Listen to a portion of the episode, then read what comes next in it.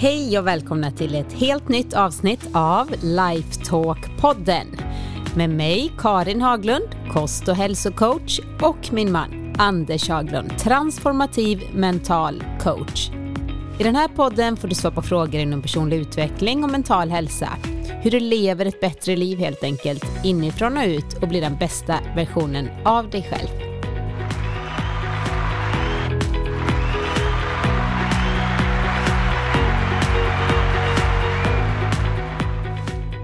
Hej Anders! Hej Karin! Dags att podda lite igen. Ja, det är det ju. Mm. Och vet du vad? Idag är det Nobeldagen. Jo, så där ja. Fast det är det inte egentligen för oss just nu. Men när eh, När podden, podden, släpps. då är det det. Mhm. Mm. Då har vi i Sverige möjlighet att välja ut vilka som har gjort den största insatsen inom fysik och ekonomi och fred och allt möjligt. Fred i och för sig delas ut tidigare i Norge. Mm. Eh, Men eh, i övrigt så är det ett högt ansett skäl att komma till Sverige.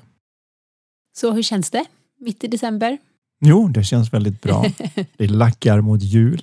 Ja, jag tycker det är mysigt. Ja, jag är ju sådär så att jag tycker det är väldigt trevligt när det är varmt och soligt och golfbanan är grön och allt det där. Men, jag tycker eh, det också. men det är en charm med det här och det Det är är kul att åka skidor med barna och allt annat som vintern erbjuder. Alla årstider har ju sin charm. Så är det ju. Och det är det som är en liten unnest att få bo i Sverige. Att vi har det. Så det kan ni tänka på, ni som tycker att nej, vad kallt det är eller så mörkt. Mhm. Mm, variation. Det är alltid trevligt. Ja. ja. Ska vi dyka in i första frågan? Ja, det är väl lika bra. Den lyder så här. Hej på er båda. Vad gör man om man verkligen inte trivs med sitt jobb? Jag har alltid måndagsångest redan på söndagen och känner att jag står och stampar på samma ställe som för tio år sedan. Jag har börjat se mig om efter andra jobb men just nu på grund av pandemin då många blivit av med sina jobb är det ju inte helt enkelt. Om ni kan ta upp denna fråga betyder det mycket för mig. Tack från Thomas. Ja, Thomas. Vad tråkigt att du inte trivs på ditt jobb. Mm. Så är det ju. Och jag tror att många känner igen sig i situationen. Diskussionen börjar ju redan i skolan där man har yrkesvägledare och andra som tittar väldigt mycket på i vilken kategori kommer man kunna få ett jobb i framtiden. Så tittar man på att när du går ur skolan då har du nog störst chans om du är programmerare eller om du är social media manager eller något annat. Väldigt lite läggs på att faktiskt ta reda på vad, vad tycker jag är kul för det är det jag kommer att göra mest av det. Och om jag jobbar på mina talanger och jag utvecklar det som jag tycker är kul så brukar världen göra plats för en. Det spelar ingen roll om det är att man gillar att dreja, knyppla, måla tavlor eller om man gillar ekonomi och annat. Mm. Eller om man har en sport man verkligen diggar. Någonstans om man lägger själ och hjärta bakom det som man faktiskt brinner för och vi är alla olika där så brukar världen göra plats för. Men diskussionen är väldigt sällan där utan det är mera hur klarar vi oss i världen? Vad borde du göra? Man tittar på till exempel när jag var liten svarade åh du är bra på matte, du måste gå på tekniskt. Det var liksom självklart bara. Är du duktig på den typen av saker så får du gå på tekniskt. Bäcking är inte att tänka på som det är i våran stad som är mer naturkunskap eller ekonomi eller något annat. Och det kan jag säga, vad hette det? Hette det syokonsulent? Nej, vad hette Mm. det? Den man pratar med? Ja. Jag hade bra betyg så hon tyckte så här att eh, du ska inte, för jag sa jag ska söka till frisörlinjen. Nej, det tycker jag inte. Jag kommer ihåg det så tydligt. Jag bara, va? Men jag vill ju verkligen det. Eh, nej, det, det hade jag inte gjort med dina, nej, det, tycker det Det tycker jag inte. slöseri med dina betyg. Och jag gick hem och var sådär med, jag sökte ju och kom in på frisörlinjen och var jätteglad för det. Mm. Mm. Men det är för lite titt i den riktningen. Så det är det första jag Mm. vill säga i allt det här. Det är väl en kombination. Det är klart att det är ganska bra att också titta i andra riktningen. Men Ja. kombinationen där av att också se vad är dina styrkor? Vad älskar du att göra? När försvinner tiden för dig? Hur skulle du? Och också kanske att man kan ta det man innerst inne gillar i det man brinner för och inse att det kanske inte måste ta sig fram så som jag trodde att det skulle ta sig fram. Så man kan ju få ut samma saker fast man gör något annat. Jag kommer ihåg att jag hade en tjej som ville bli professionell dansare till exempel. Men kom på att jag är inte bra nog. Och då kan man ju då bli reseledare för att skulle dansa. Mm. Eller om man ville bli rockstjärna. Så upptäcker man att man kan göra företagspresentationer som en rockstjärna. För att man gillar att ta den. Så att man... Var det inte som så Tony Robbins som vi har varit och lyssnat mycket på? Var inte Jo. han egentligen att han ville liksom Jo, han sa ju det. vara- Ja, egentligen så ville han ju bli någon form av rockstar. Just det. Så han valde ju att bli den personliga utvecklingens rockstar. Det är det verkligen. Ni som inte har varit på någon av Tony Robbins event kan jag säga att första gången så tänkte jag, men alltså det var så häftigt. Det var så här, heter det go-go-dansare? Ja, warm-up dancers warm-up kallar de det. Och musik och det var, ja det var inte coronavänligt tänkte jag säga, för det fanns inte då. Eh, Vi var 15 000 personer i en lokal i London. Mm.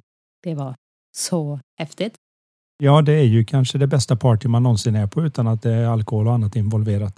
Gå på glödande kol. Ja, så det är spännande på alla möjliga sätt. Eh, Men det var, han beskrev ju just det. att Mm. Jag fick ju ut samma saker. Så nu har vi snurrat runt lite med lite andra saker. Mm. Om man nu är på det där jobbet så är det ju alltid så att det är lite scary. Det finns ju två alternativ här. Det ena är ju att jag har inte tagit en ny och fräsch titt på det jobb jag har. Jag kanske gillar det, bara fått för mig att jag inte gillar det. Okej, det finns en möjlighet. Jag säger inte att den... För den kan ju kännas som ett hån om man verkligen tycker att jag orkar inte mer på det här stället. Jag kommer ihåg, eh, jag hade en klient som kom till mig och hon hade kommit upp så pass hon var företagsledare, tryggt jobb, bra inkomst, allt det där. Men innerst inne så hade hon alltid drömt om att bli läkare. Och så varför läser du inte läkare då? då? Nej, men jag är 47 nu. Om jag börjar läsa nu så kommer jag ju vara 53 innan jag ens är klar med allt för att jobba som läkare. Och då tittade jag på henne och sa att om du inte gör det här, då, hur gammal är du då när du är 53? Då står man kanske och stampar. Ja, men då är man ju på samma ställe. Så att tiden går ju oavsett. Vill jag verkligen komma dit så vi har en tendens att missa perspektiv. Det är samma som med pandemin vi är inne i nu. Om någon hade levat i 200 år så hade de tyckt att ja, det här är ingenting mot spanska flugan. Det här går säkert över på fyra år eller något och sen så är vi tillbaka på normala. Medan vi tycker liksom redan efter tre månader att när ska det här gå över? Nej, inte nya direktiv igen, för vi har liksom inte varit med om det. Så vi har en tendens att inte se det längre perspektivet när man kanske tycker att ja, men det jag kanske kan ta mig ett halvår eller ett år innan jag hittar något jobb som jag verkligen vill ha. Ja, men om ett år så har det gått ett år. Och bara vetskapen att man tittar åt det hållet, att man gör saker varje vecka som tar den närmare det. Man behöver inte bara pang på gå till chefen och säga du, jag står och dampar här i tio år och nu ser jag upp mig. Utan vetskapen att man vill lämna. Det kan också vara att man, nu vet inte jag hur stort eh, företag det här handlar om som han nu har det jobb han inte gillar på. Mm. Det kan ju även finnas en hel del möjligheter att flytta sig inom organisationen. Där man bara upptäcker att det här var inte för mig. Hur skulle man veta det innan man verkligen provade på det? Jag tänker om jag hade varit chef och en anställd hade kommit och sagt att jag känner att jag upplever att jag står och stampar och har stått liksom kvar på samma ställe i tio år och vill utvecklas och vill göra något annat. Har man då möjlighet? Så det är ju ändå ganska eh, starkt och, och bra att man vill utvecklas. Mm. Så det är ändå tyckt var bra att man talar om det. Ja, det tror jag de flesta skulle tycka. Mycket handlar dock om att känna efter, att verkligen fundera lite på okej, vad är det jag egentligen är ute efter och vad är det jag är missnöjd med? För att ibland kan det ju vara så att precis det jag är missnöjd med kan man bara vända på och så upptäcker man att ja, men det vore kul. Mm. Så man kanske tycker att jag passar inte att jobba i de här fasta tiderna. Ja, Okej, nästa gång jag gör en intervju så får man kolla upp om det finns flextider och om jag kan jobba på beting eller jag kan jobba hemifrån och välja mellan och så vidare. Jobba digitalt och in real life, IRL som man bara skriver numera. Mm. Men hitta lite grann parametrarna för vad är det jag är ute efter för då blir det så mycket lättare för hjärnan att hitta det. De flesta är ganska klara över vad de inte vill. Men att bara tala om för sig själv, ja men jag vill inte det här, jag vill inte ha det så, jag vill inte ha det så. Det blir ju som att gå in på en resebyrå och säga, jag vill inte till New York. Ja, det hjälper inte Så resagan vill till jag inte någonting. till något varmt ställe. Nej, Fast det kan ju faktiskt hjälpa om man säger ganska många sådana. För då kan man räkna ut, okej, inget varmt ställe, det betyder att den vill åka till ett svalare ställe. Och inte New York, okej. Nej, ingen storstad då eller? Mer? Ingen, ingen storstad alls? Nej, precis, ingen storstad, inte massa människor. Ah, okej, okay. svalt och lite mindre men Då får ju reseagenten vara lite av en coach, du vet, ja, och det... hjälpa dig att klara ut det här. Ja. Det är lättare om jag gör då möjligtvis den här idén att okej, okay, här är vad jag gillar med det jobbet jag har trots allt. Och här är vad jag skulle vilja ha och här är vad jag absolut inte gillar. Och då börjar det kristallisera ut sig som att det här, för idag har vi en unik sak som aldrig har hänt förut. Innan så fanns det ett visst antal jobbplatser och så kom man som någon pusselbit och passade i den pusselbiten. Idag kan man uppfinna sitt eget jobb. Så här är vad jag kan. Har du nytta för mig av mig någonstans? Jag är jätteduktig på det här och det här. Här är mina skillsets. Här är vad jag är duktig på. Och så kan du passa in. Du kan uppfinna jobbet. Så tidigt som 2030 i varje fall, vi pratar åtta år från nu, så kommer ju de flesta vara anställda i jobb som inte visste fanns idag nästan. Det kommer vara samma som år 2000 om någon sa, vad jobbar du som? Jag jobbar som social media manager och influencer. Va? Vad är det? Det är ingen som hade vetat vad det var. Nej. På samma sätt går det ännu fortare nu, så 2030, så är det ingen som ens vet vad det är som kommer Spännande. att vara jobbet. Då behöver ingen stå och stampa längre, för då kan vi alla göra någonting helt annat. Ja, vi kan, om vi skulle vilja. Ja, men just att vi kan uppfinna ett jobb på, på ett sätt som man kanske aldrig kunnat göra förut. Jag, jag gjorde samma när jag började. Jag ville hjälpa människor. Jag kände att jag var duktig på att stå på scen och föreläsa och göra saker. Men så när jag skulle coacha, vad, vad är man för någonting? Och så tänkte jag, men jag, ju, jag gillar egentligen inte att sitta och grotta i en massa problem. Jag gillar människor som redan är duktiga på det de gör. Och så vill jag hjälpa dem bli ännu bättre.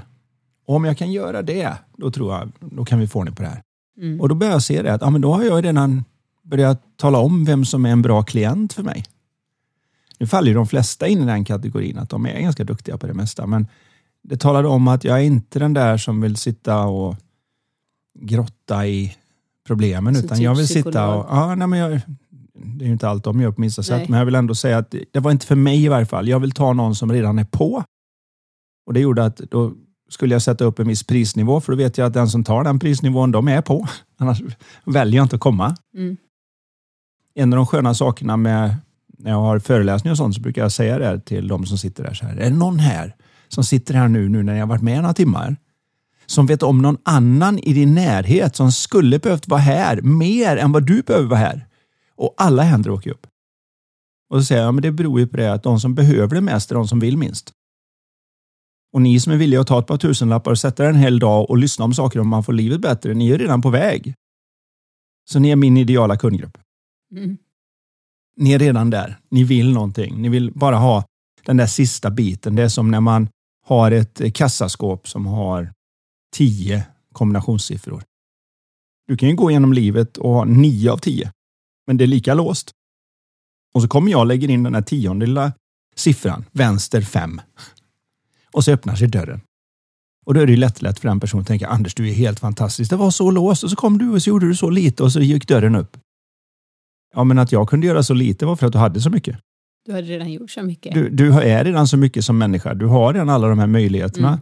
Och det är det som gör att, det är det jag älskar då, att jag gillar att sitta där och greja med de här sista två siffrorna och säga att du kanske bara har organiserat dem i fel ordning eller kanske inte riktigt har tänkt på det på det här sättet. Och förresten, om du gör du på det här sättet så kan du göra någonting. Och när man tar den på det sättet så kan man få dörren att svänga upp och då är det lätt att de nästan ger för mycket cred för de inser inte att skälet att det såg så enkelt ut, skälet att det verkade så svårt och omöjligt, det var så låst och sen plötsligt gick den upp var ju för att de redan hade nio av tio siffror inne.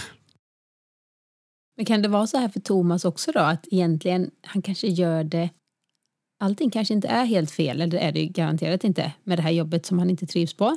Kanske är det en tionde pusselbit som behöver som han saknar så att säga, som skulle kunna gå att lösa på din befintliga arbetsplats. Det tycker jag du ska fundera på. Det tycker jag du ska prata med din eh, chef om och se var det landar. Samtidigt som du kan drömma lite vad skulle jag vilja? det blir väldigt låst om man tänker åh det är pandemi, det finns inga jobb att söka utan först veta vad, vad skulle vara roligare än det här. Ja. Och, Börja kolla. Och det, för annars är det lätt också att det blir det finns en gammal historia om några som skulle västerut borta i USA. De var tvungna, familjen var tvungen att dra iväg. när de kommer då till färgkaren som är, man la ju ofta små städer runt eh, floder och annat. Så skulle de över floden för att komma till nästa stad. Och så när de står där så pratar de med färgkaren och säger det när de packat ombord alltihopa. Så frågar färgkaren, var är ni på väg då? Nej, förra stan funkar inte för oss så vi tänkte hitta någon annanstans att bo. Och säger om du som är härifrån, hur är de i den här stan? Och då säger färgkaren, det beror lite grann på. Det beror på vad då? Hur var de i stan där du kommer ifrån? Nej, det är ju därför vi flyttar. De var själviska, in och hjälpa till, ingen gav plats, alla tänkte bara på sig själva. det är därför vi vill åka. Ja, jag är ledsen att säga att ni kommer nu upptäcka att de är likadana här. Åh, tack, då slipper vi slösa tid på det, säger de och drar vidare. En ny familj kommer dagen efter, packar upp alla sina grejer på den där färjan och går över. Diskussionen är något liknande och de säger, hur är de i den här stan här egentligen? Ja, det beror lite grann på hur är de där de kommer ifrån här. De är snälla, gemytliga alltihopa. Min man han jobbar som, som smed. Det fanns redan smed så det räcker, så det fanns ingen riktig plats för oss, men väldigt trevliga människor alltihopa. Så vi var ute för att se om vi kan hitta nya möjligheter på nästa ställe. Ja, då kommer ni upptäcka att de är väldigt trevliga och hjälpsamma i den här stan också. Lite blir det ju så om man flyttar på sig jobb till jobb för att man försöker lösa ett internt problem där man ska må bättre. Istället för att se det samma när jag pratar med idrottare så brukar jag tala om för dem det att du tränar inte för att må bättre. Du tränar för att bli bättre.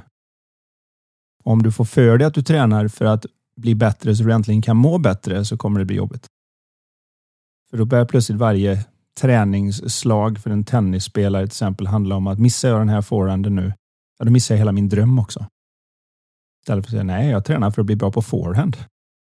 Inte för att banka mig själv i huvudet med att om jag inte fixar den här forehanden så kommer jag inte få världsranking, så kommer jag inte få spela spelarna och så kan jag inte bo där jag bor och så kan jag inte få en bankkonto som jag tänkt mig. Och så, och så plötsligt är man superstressad och så flyger racketen i väggen. Och så säger folk att man har dåligt humör fast det egentligen bara är att jag fick en tankestorm när jag missade en forehand. Så det är också en del i det här att man faktiskt tar en liten kik på det så att jag inte bara flyttar mig för att jag tänker var som helst utom här. Då ska jag nog må bättre. Så det är många delar i den här frågan och det hade varit lättare naturligtvis om man sitter och coachar personligen. Nu sitter vi här i en podd och ska besvara frågan. Thomas heter han så. Mm. Men jag har en sak Anders, där med just med måndagsångesten redan på söndagen. Mm. Jag tycker det är rätt tragiskt att det finns något som heter måndagsångest. Men eh, det kan man ju också jobba med. Ja, det kan man. Ångest är ju... Ja, den är ju oftast så här, oavsett om det är en prestationsångest som vi kallar det när man är idrottare eller om det bara är allmän måndagsångest när man jobbar, så beror den nästan alltid på samma sak och inte riktigt det som de flesta tror. Om Thomas hade en chef som var sån att varje gång man gör någonting fel så tar de ut den och straffar den offentligt stort sett. Ner med byxorna bland alla medarbetare och spankar dem och säger det ska ni lära er andra och aldrig göra fel ungefär. Och sen när man gör något bra och tycker att då kanske man kan få lite uppmärksamhet och beröm för det. Men chefen tycker liksom, vadå ska jag applådera att du gör ditt jobb? Det är därför du får den lön du får. Då tror jag att de flesta redan på fredagen, inte bara på söndagen, utan redan på fredagen skulle börja känna att jag vill inte gå på måndag. Jag får extremt lite för, för att jag gör något bra och jag får ganska mycket straff för att jag gör något dåligt. Jag vill inte gå dit. Om jag däremot har en chef som när jag gör något fel säger kan du komma in och prata på kontoret och så säger de så här du bara kolla vad som pågår för du har gjort alla de här grejerna bra men här har det inte riktigt funkat. Är det någonting du behöver från mig för att få det att funka? Vad, vad, är, vad är det som pågår? Och när man gör något bra så är det mycket mer offentligt. Att yay, Thomas har fixat det här kontraktet. Kling kling i klockan ungefär. Mm. Ja, då kan man ju knappt vänta på att få komma till jobbet. Och då är det många som säger, ja, ja, just det, det är det att jag behöver en bättre chef. Ja, men vilken typ av chef är du i ditt huvud? Hur gör du med dig själv inne mellan öronen när du gör ett misstag? Bonkar du på dig själv då och säger, vad håller du på med din dumma... Och när du faktiskt får till någonting så är det mer som, ja, det är så det ska vara. Det är så jag borde göra hela tiden. Ja, då är du själv en så dålig chef in i ditt huvud. Och när du är det, då börjar du få ångest för att dyka upp någonstans för att du vill göra, inte göra misstag och sånt. Det spelar ingen roll om du är att du är en hockeyspelare eller vad det nu än är som vet om att gör jag en enda miss nu så kommer jag dunka mig i huvudet och gör något bra så är det bara som, ja, det är så det borde vara. Och oftast inte ens medveten om att man inte alls. är så. Inte alls. Jag vill verkligen, det är bra att du pekar ut det där. För att eh, det här när jag säger det är ju inte som att man sitter och gör det här medvetet på minsta sätt. Utan det är bara att de flesta tror att om jag bara är hård mot mig själv när jag gör misstag och inte antyder att man är nöjd när det går bra, då ska det driva mig framåt. Är jag nöjd, då blir man lat. Så därför får jag inte vara nöjd när jag Tror gör något man. bra. Ja, men de flesta tror det. Och när jag gör något dåligt så måste jag få reda på det, annars går det inte framåt. Och så är de flesta uppfostrade. Det är inte konstigt om vi gör det, så jag vill jag, Är även det skicka bra med att ta det. en titt, titt och bli lite mer medveten om hur är man mot sig själv? Det är ju lätt att kasta sten i glashuset menar jag, om man nu tycker att andra människor, ja du borde vara en chef som gjorde mer så här. Ja, men hur gör du i ditt huvud? Kasta första stenen du som tror att vi inte har det här rent kulturellt. Och det är, det är som vatten för en fisk. Vi, vi ser det inte för det har alltid varit så där inne.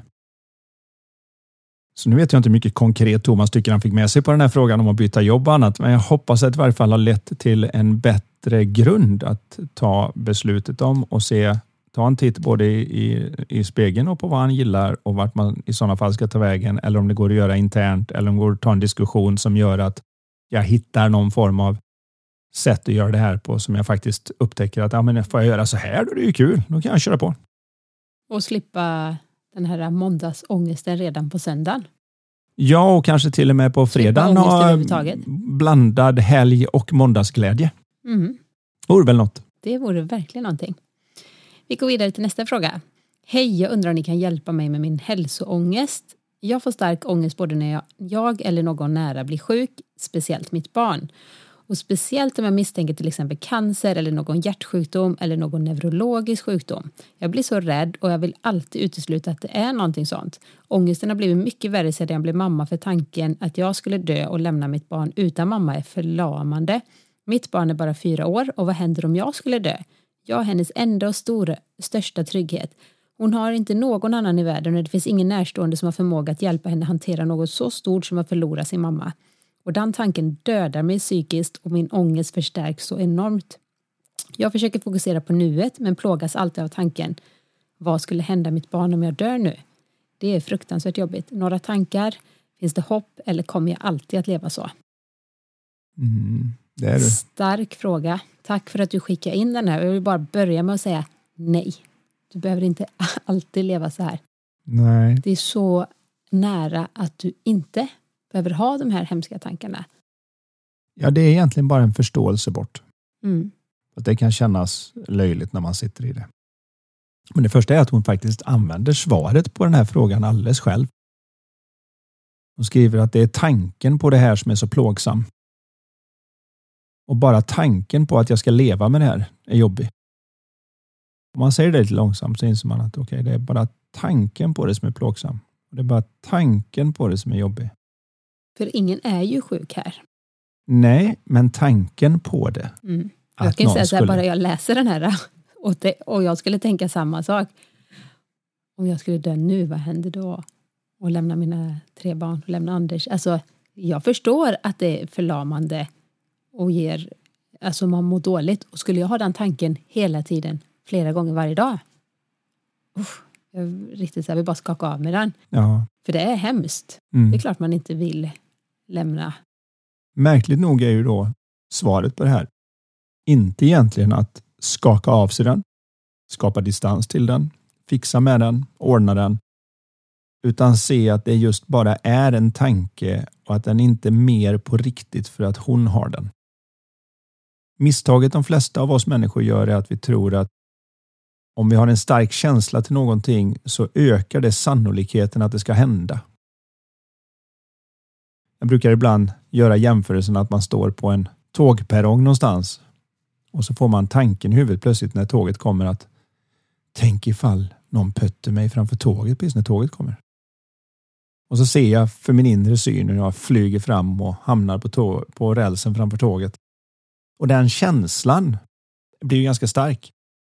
Det spännande nu är att innan den tanken dök upp så var sannolikheten för att bli puttad framför tåget ungefär 0 procent.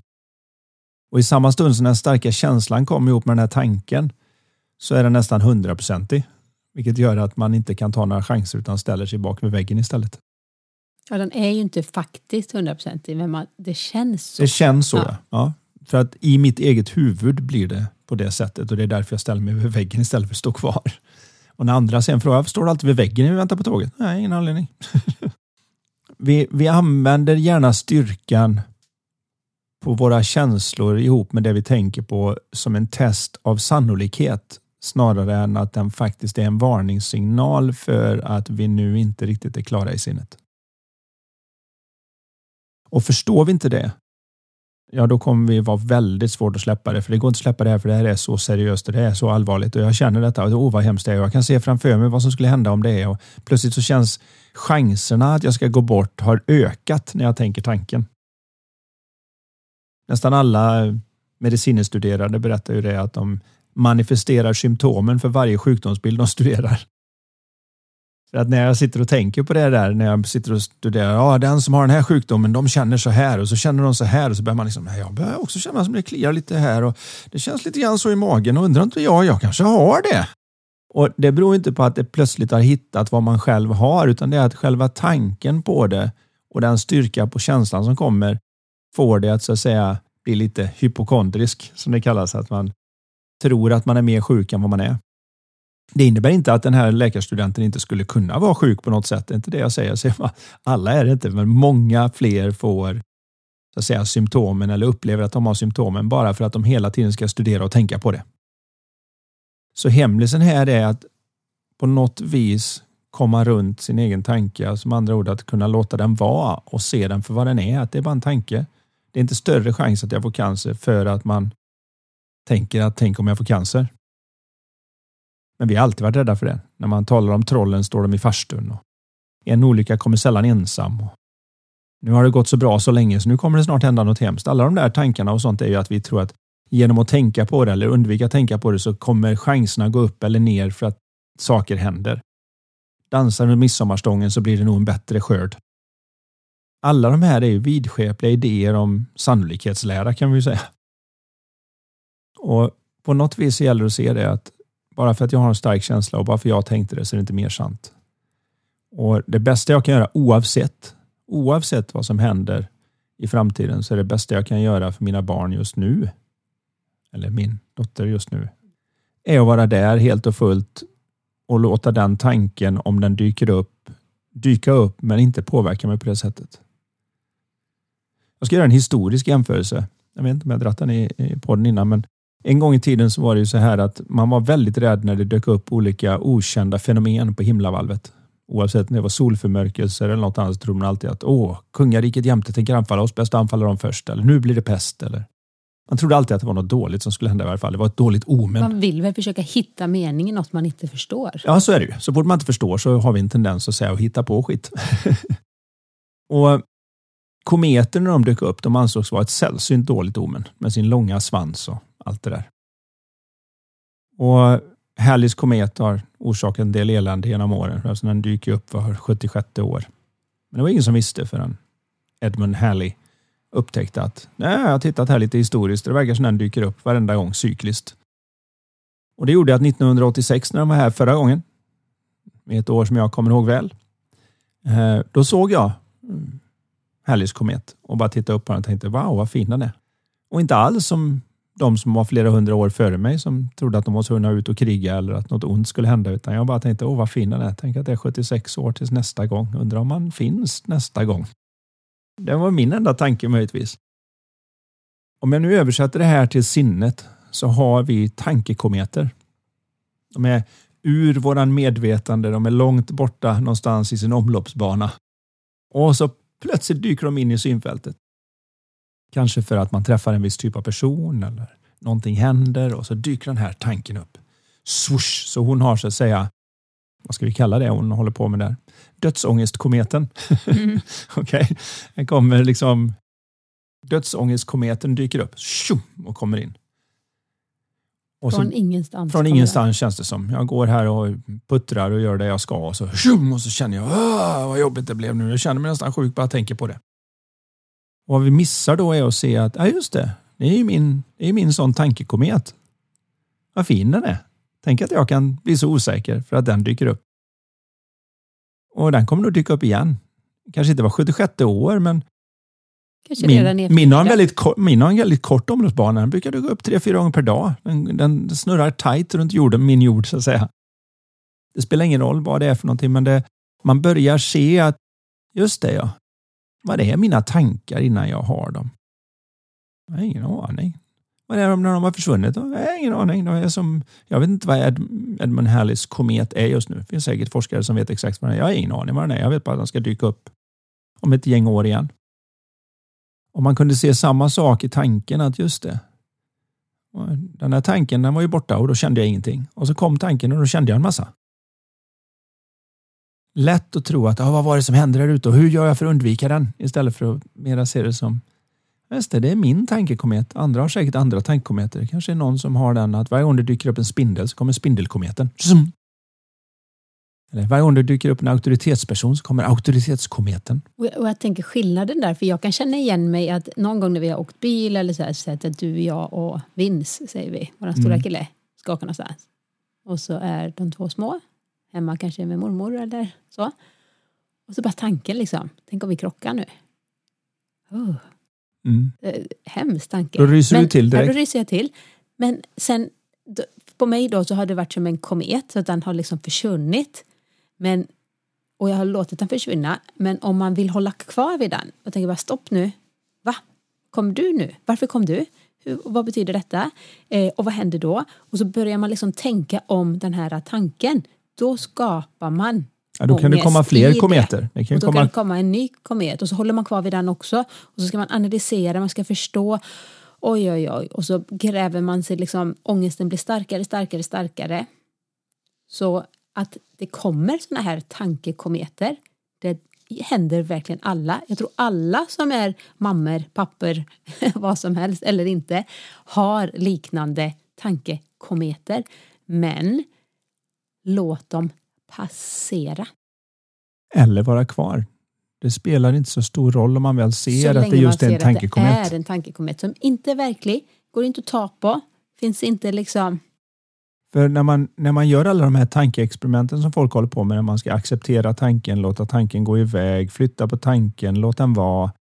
Alla de sakerna antyder ju att tanken är väldigt viktig för att den är hemsk. Så nu ska vi hjälpa dig att hantera den. Istället för att säga var kvar, var inte, spelar ingen roll för jag vet att du är en tankekomet. Annars kan det här få en del konsekvenser. Jag vet, jag satt på flyget över till USA en gång och så jämte mig så satt en pappa och hans son. Och sa, jaha, vad ska ni? Vi ska tillbaka här nu hem. Jaha, åker ni själva? Svär. Nej, nej, nej, nej, vi åker hela familjen. Jaha, är de, fick ni inte samma platser? Nej, mamman och dottern de är på ett annat plan. Jaha, fick, fick, fanns det inga platser alls? Det ser ut som det finns platser här. Nej, vi flyger alltid separata flygplan så att om ett störtar så går, försvinner inte alla. Då har man ju tänkt mycket. Tänkt mycket. Mm. Grejen är det, vi vill så gärna kunna skydda oss mot olycka, mot sorg, mot sådana här fruktansvärda saker som cancer eller att någon dör. Ingen vill ha dem, vi, ingen borde ha dem. Nej. Vi önskar att vi kommer på något som gör att vi allihopa kan så att säga, ta ett piller och, som är som en försäkringspolicy. Men, men om att... vi ska gå och tänka på det och allt nu, allt elände i världen, krig, coronapandemi, alltså det finns så mycket hemskheter, rasism. Men om vi lever i det hemska hela tiden. Eller det hemska som inte ens har hänt än. Att vi börjar tänka, vad händer om fem år, tio år och tio år, då kommer det vara fruktansvärt. Jorden kommer vara obeboelig. Nej, men om vi börjar fantisera om det, då har vi också, då är vi ju inte i nuet. Och just nu så har vi förmågan att må bra. Mm. Jag vet det var någon som jämförde med det att är det några tigrar, björnar och lejon just nu? Nej, ja, men var okej då. För vad vi genom alla Hämta tider... kraft för att om det kommer någon björn ja, då är det, det bättre att vara har... klar, klartänkt. Och... Ja, men också mycket är ju det att vi använder oro som just den där försäkringspolicyn. Att om jag oroar mig för allt som kan hända imorgon så känns det för de flesta som att ja, men då, då kan jag se till så att det inte händer imorgon för jag har oroat mig över det och tänkt på allt som kan hända så jag kommer vara så att säga förberedd så att det har mindre chans att hända för jag har grunnat på alla möjligheter. Nummer två. Om det skulle hända trots allt det, då blir jag mindre besviken för jag har redan grunnat på det. Så jag kan säga, ha, se, visste det. Så det känns som att jag vinner på båda håll. För att jag via, via min oro är pri, min oro idag är priset för att ha en bra morgondag. Det kan vi alla känna igen att ibland måste man undanhålla njutningen i stunden för att få belöningen senare. Det är ju ett träningspass eller vad som helst kan ju vara det tills man börjar njuta av själva träningen är ju att man kanske kämpar lite och det tar emot.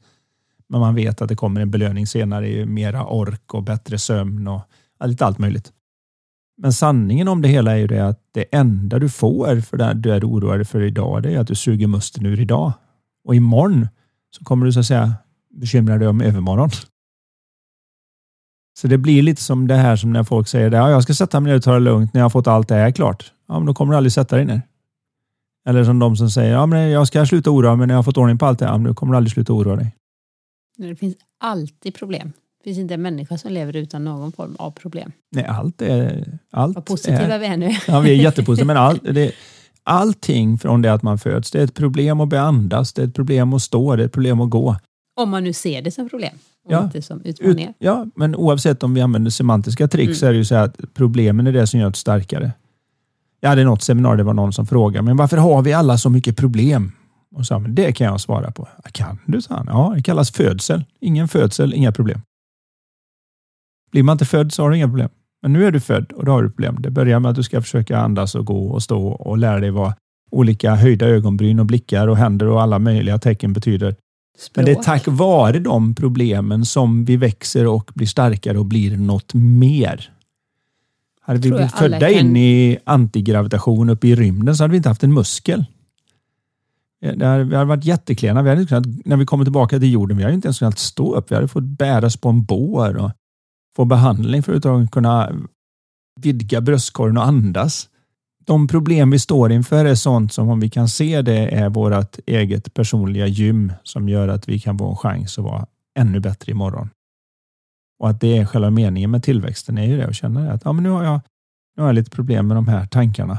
Okej, okay, men om jag kan på något vis förstå bättre vad det är som pågår och få en bättre relation med mina tankar istället för att försöka vara rädd för, var rädd för dem och få bort dem och fixa, utan ha en bättre relation med dem och låta dem vara där, nästan som en liten kompis. Ja, här kommer, här kommer min lilla dödsångesttanke.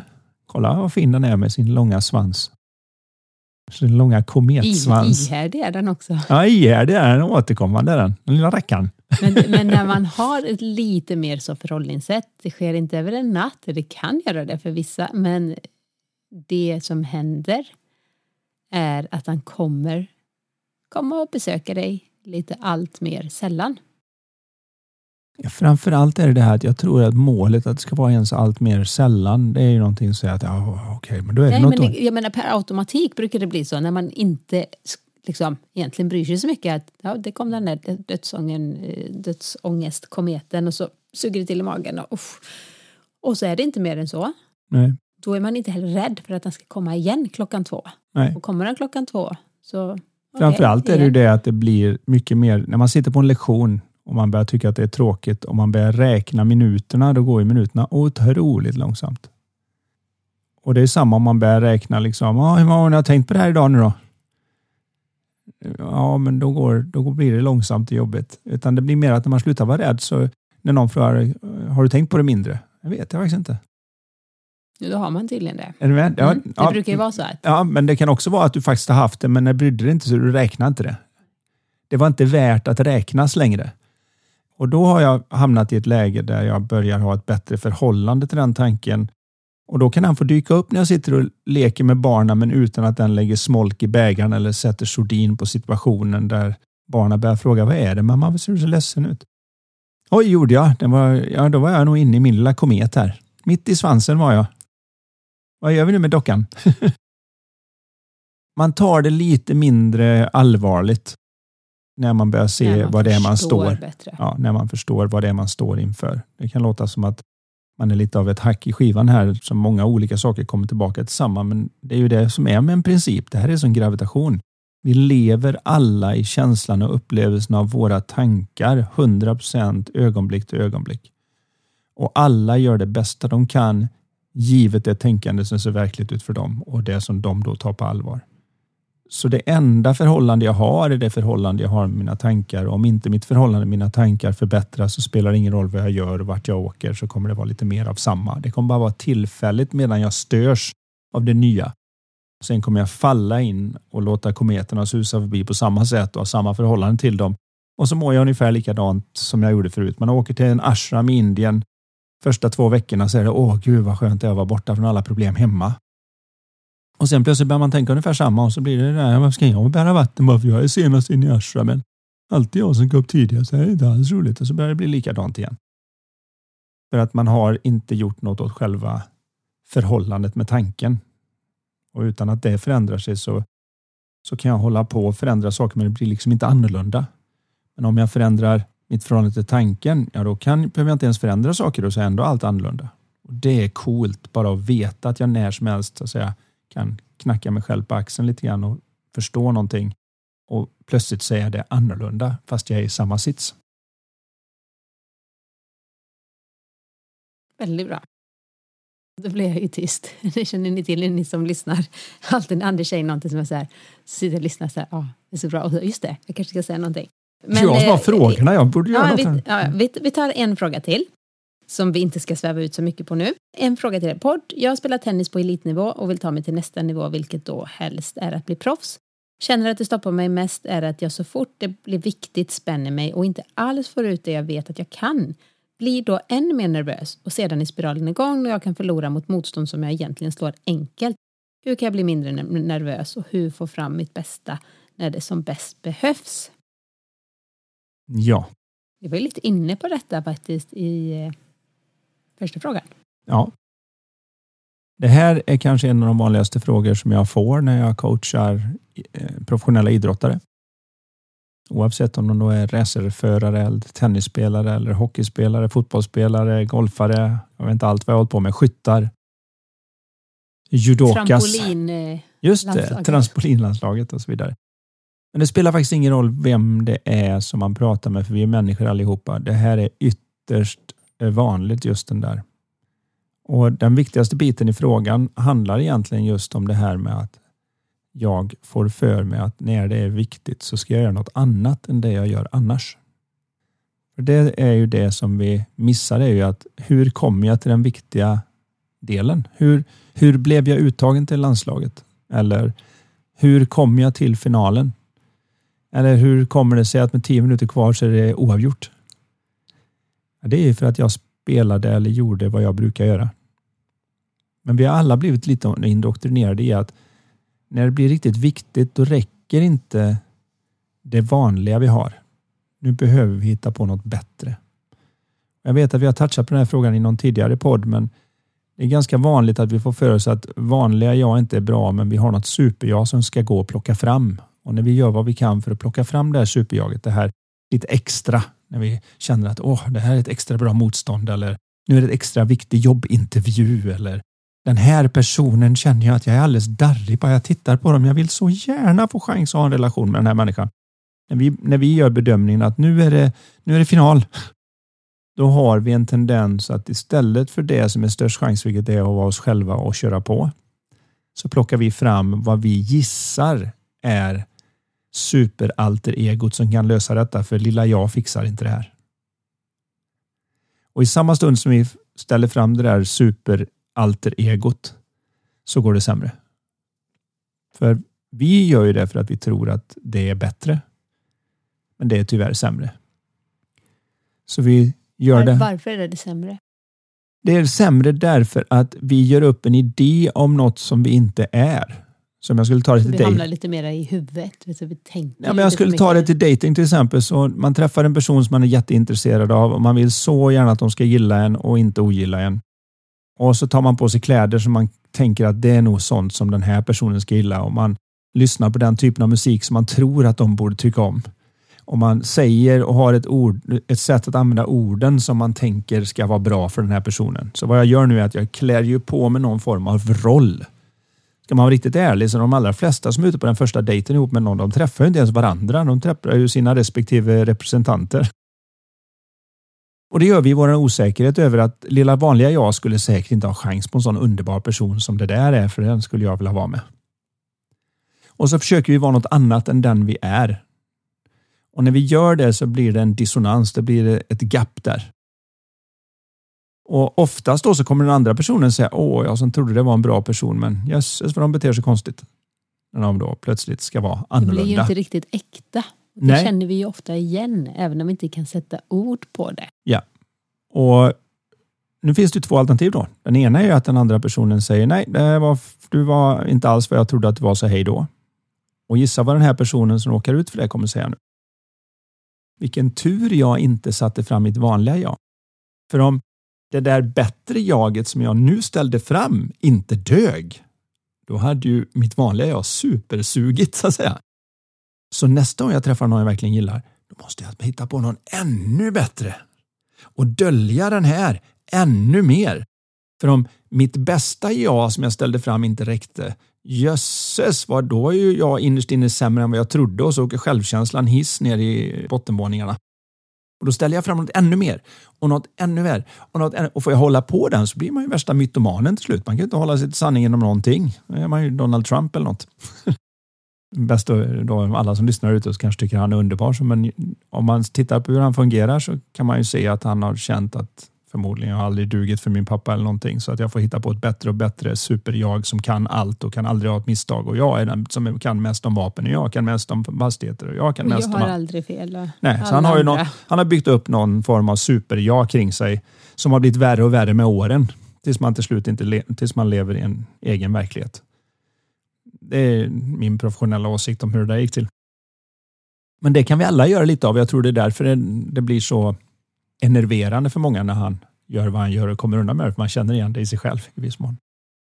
Så när vi nu är tillbaka till tennisen så handlar det väldigt mycket om det att när jag kommer in i situationer då där jag anser att det är viktigt och där jag har möjligheter att göra något och jag vill bli proffs. Om jag vinner den här matchen kan jag komma upp på ranking och så vidare. Så är det ett ganska stort tryck inuti att Oj, oj, oj, oj, ställ inte fram vanliga du nu, för vanliga du gör sig icke besvär i de här situationerna. Fram med super ja nu. Nu ska vi fram med Donald Trump här som kan skrika högt och göra det här bra, så kan vi nog ordna detta. Och när man ställer fram den, då blir det en anspänning. Man förlorar det naturliga rörelsemönster och allt det andra som man har, för man försöker nu så att säga göra vad man gissar är vad som behövs istället för att bara göra så gott man kan det som behövs. Och det behöver man se, för det finns en enorm drivkraft. Det är jättesvårt. Det låter som att jag klart jag bara ska vara mig själv och göra det bästa jag kan. Man kan inte göra mer än lägga själ och hjärta bakom uppgiften och göra sitt bästa. Det förstår väl alla? Ja, tills man träffar den där personen som ser lite extra attraktiv ut eller tills man då får chans på det där jobbet eller de där pengarna. Nu eller den där. Det. Nu, nu gäller det. Ja, då får du reda på, okej, okay, är det något du har förstått eller något du bara vet om? Mm. Jag har jämfört det flera gånger med sprint.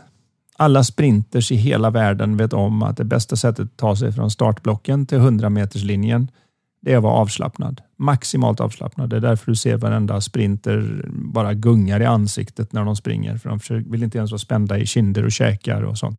Utan allting ska vara helt avslappnat. Så det studsar upp och ner som en Sankt Bernhardshund i ansiktet på dem. Så att rätt muskel för att när du upplever det som du är absolut maximalt avslappnad så spänns bara de muskler som sätter fart och inga av de muskler som bromsar. Det är kontrahenterna som man kallar mm. det inom muskelläran. Så du, du ska säga om du spänner hela armen, då spänner du både triceps som sträcker på armen och så spänner du biceps som böjer armen. Så att summan av kardemumman blir mindre än om du bara har hållit ut armen avslappnat. För då vet hjärnan att man använder triceps för att sträcka på armen och så är du helt avslappnad i biceps som böjer armen och då är den mycket rakare än annars. Och då blir det svårare att böja den. Så det vi gör när vi ställer fram vårat superjag för er som sitter hemma nu eller går och lyssnar ute på gångturen eller vad det kan vara. Om ni nu har provat det här att hålla ut armen och känna efter lite och fundera på det så är det så att ju mjukare du är då i biceps, som är den muskel som böjer på armen, när den är avslappnad, då får triceps möjlighet. Som nu triceps spänner sig så håller armen sig rak till det bästa av sin förmåga. Så fort jag blir osäker och försöker spänna hela armen, då, då, då börjar jag även ta i med biceps, så då blir den lätt att böja på.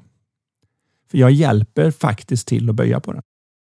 Det här har jag som golfproffs upplevt mängder av gånger när man tänker att jag ska bara lägga fram en boll och så slappnar allting av och då alla muskler som sätter fart, whoosh, och så får man liksom ropa får för den gick mycket längre än vad man trodde. Och när det verkligen gäller då och när det verkligen gäller så är det lägga bollen perfekt och ja, så ställa och sig och då blir det chans att man spänner sig för mycket och då går den inte lika långt. Man tar även om i. man tror att nu kommer den gå mycket längre. Ja, så, så det känns som det är mera fart men det är mindre fart. Man ser det här i slalom alla möjliga ställen där de, man kan se hur någon som åker mjukt faktiskt går fortare fast det känns som att de inte åker alls lika fort som den som sliter sig ner för backen. Samma i racing. Där man ser någon som liksom ser ut som bara och så kommer någon annan och låter som en amerikansk actionfilm. Och det känns som det går jättefort, men det är flera sekunder långsammare än den som åkte mjukt. Det här är ju då, om vi nu tar tennisexemplet, så är ju det här ett av de stora grejerna. Att få ordning på det och börja se det här. För om jag inte ser det så blir det oemotståndligt nästa gång när jag får proffschansen eller när jag ska vinna den där matchen eller när jag då ställs mot en motståndare som jag vet att jag borde slå och jag får absolut inte förlora. Och så blir det lite jämnt i början och då känns det som att nej, nu har jag allt att förlora och inget att vinna för den här personen vet alla att jag ska slå. Och då blir det väldigt lätt att spänna armen. Det här är ju en metafor, nu hoppas jag alla som mm. lyssnar förstår. Mm.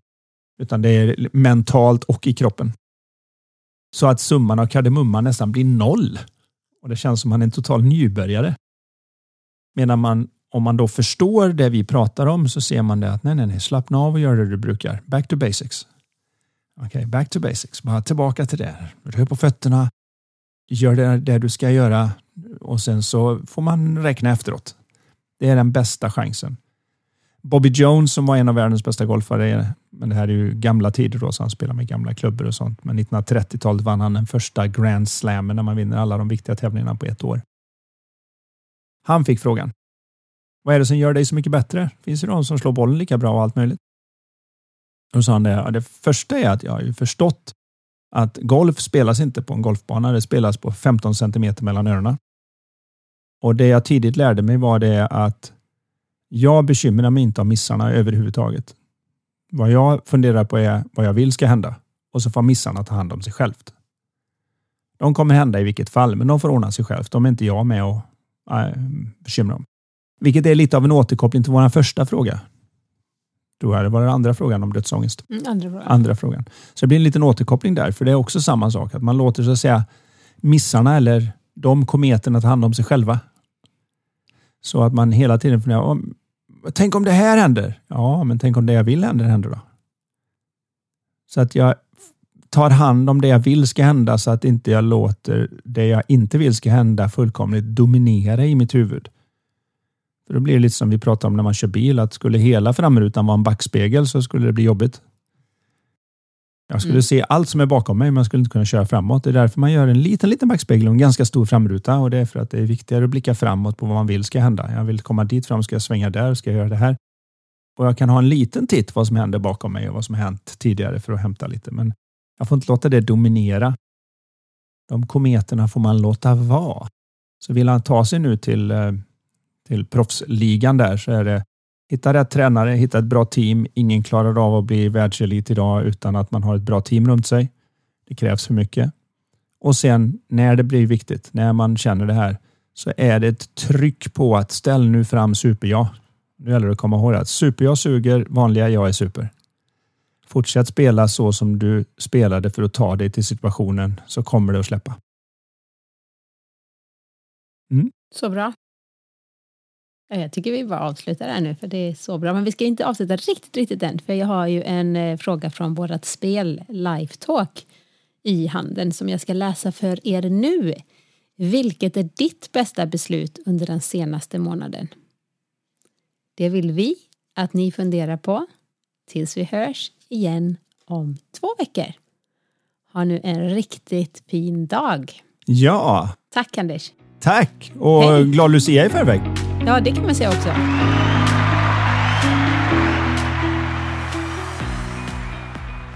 Du har lyssnat på Lifetalk-podden.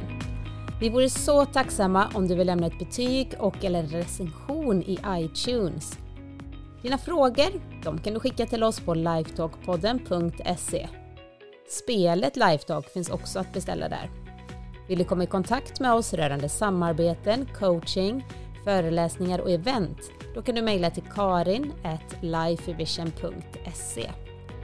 Tusen tack för att du har lyssnat. Och du, gillar du podden? Dela den gärna vidare och tipsa om den i sociala medier. Låt oss tillsammans göra världen lite mer mentalt välmående.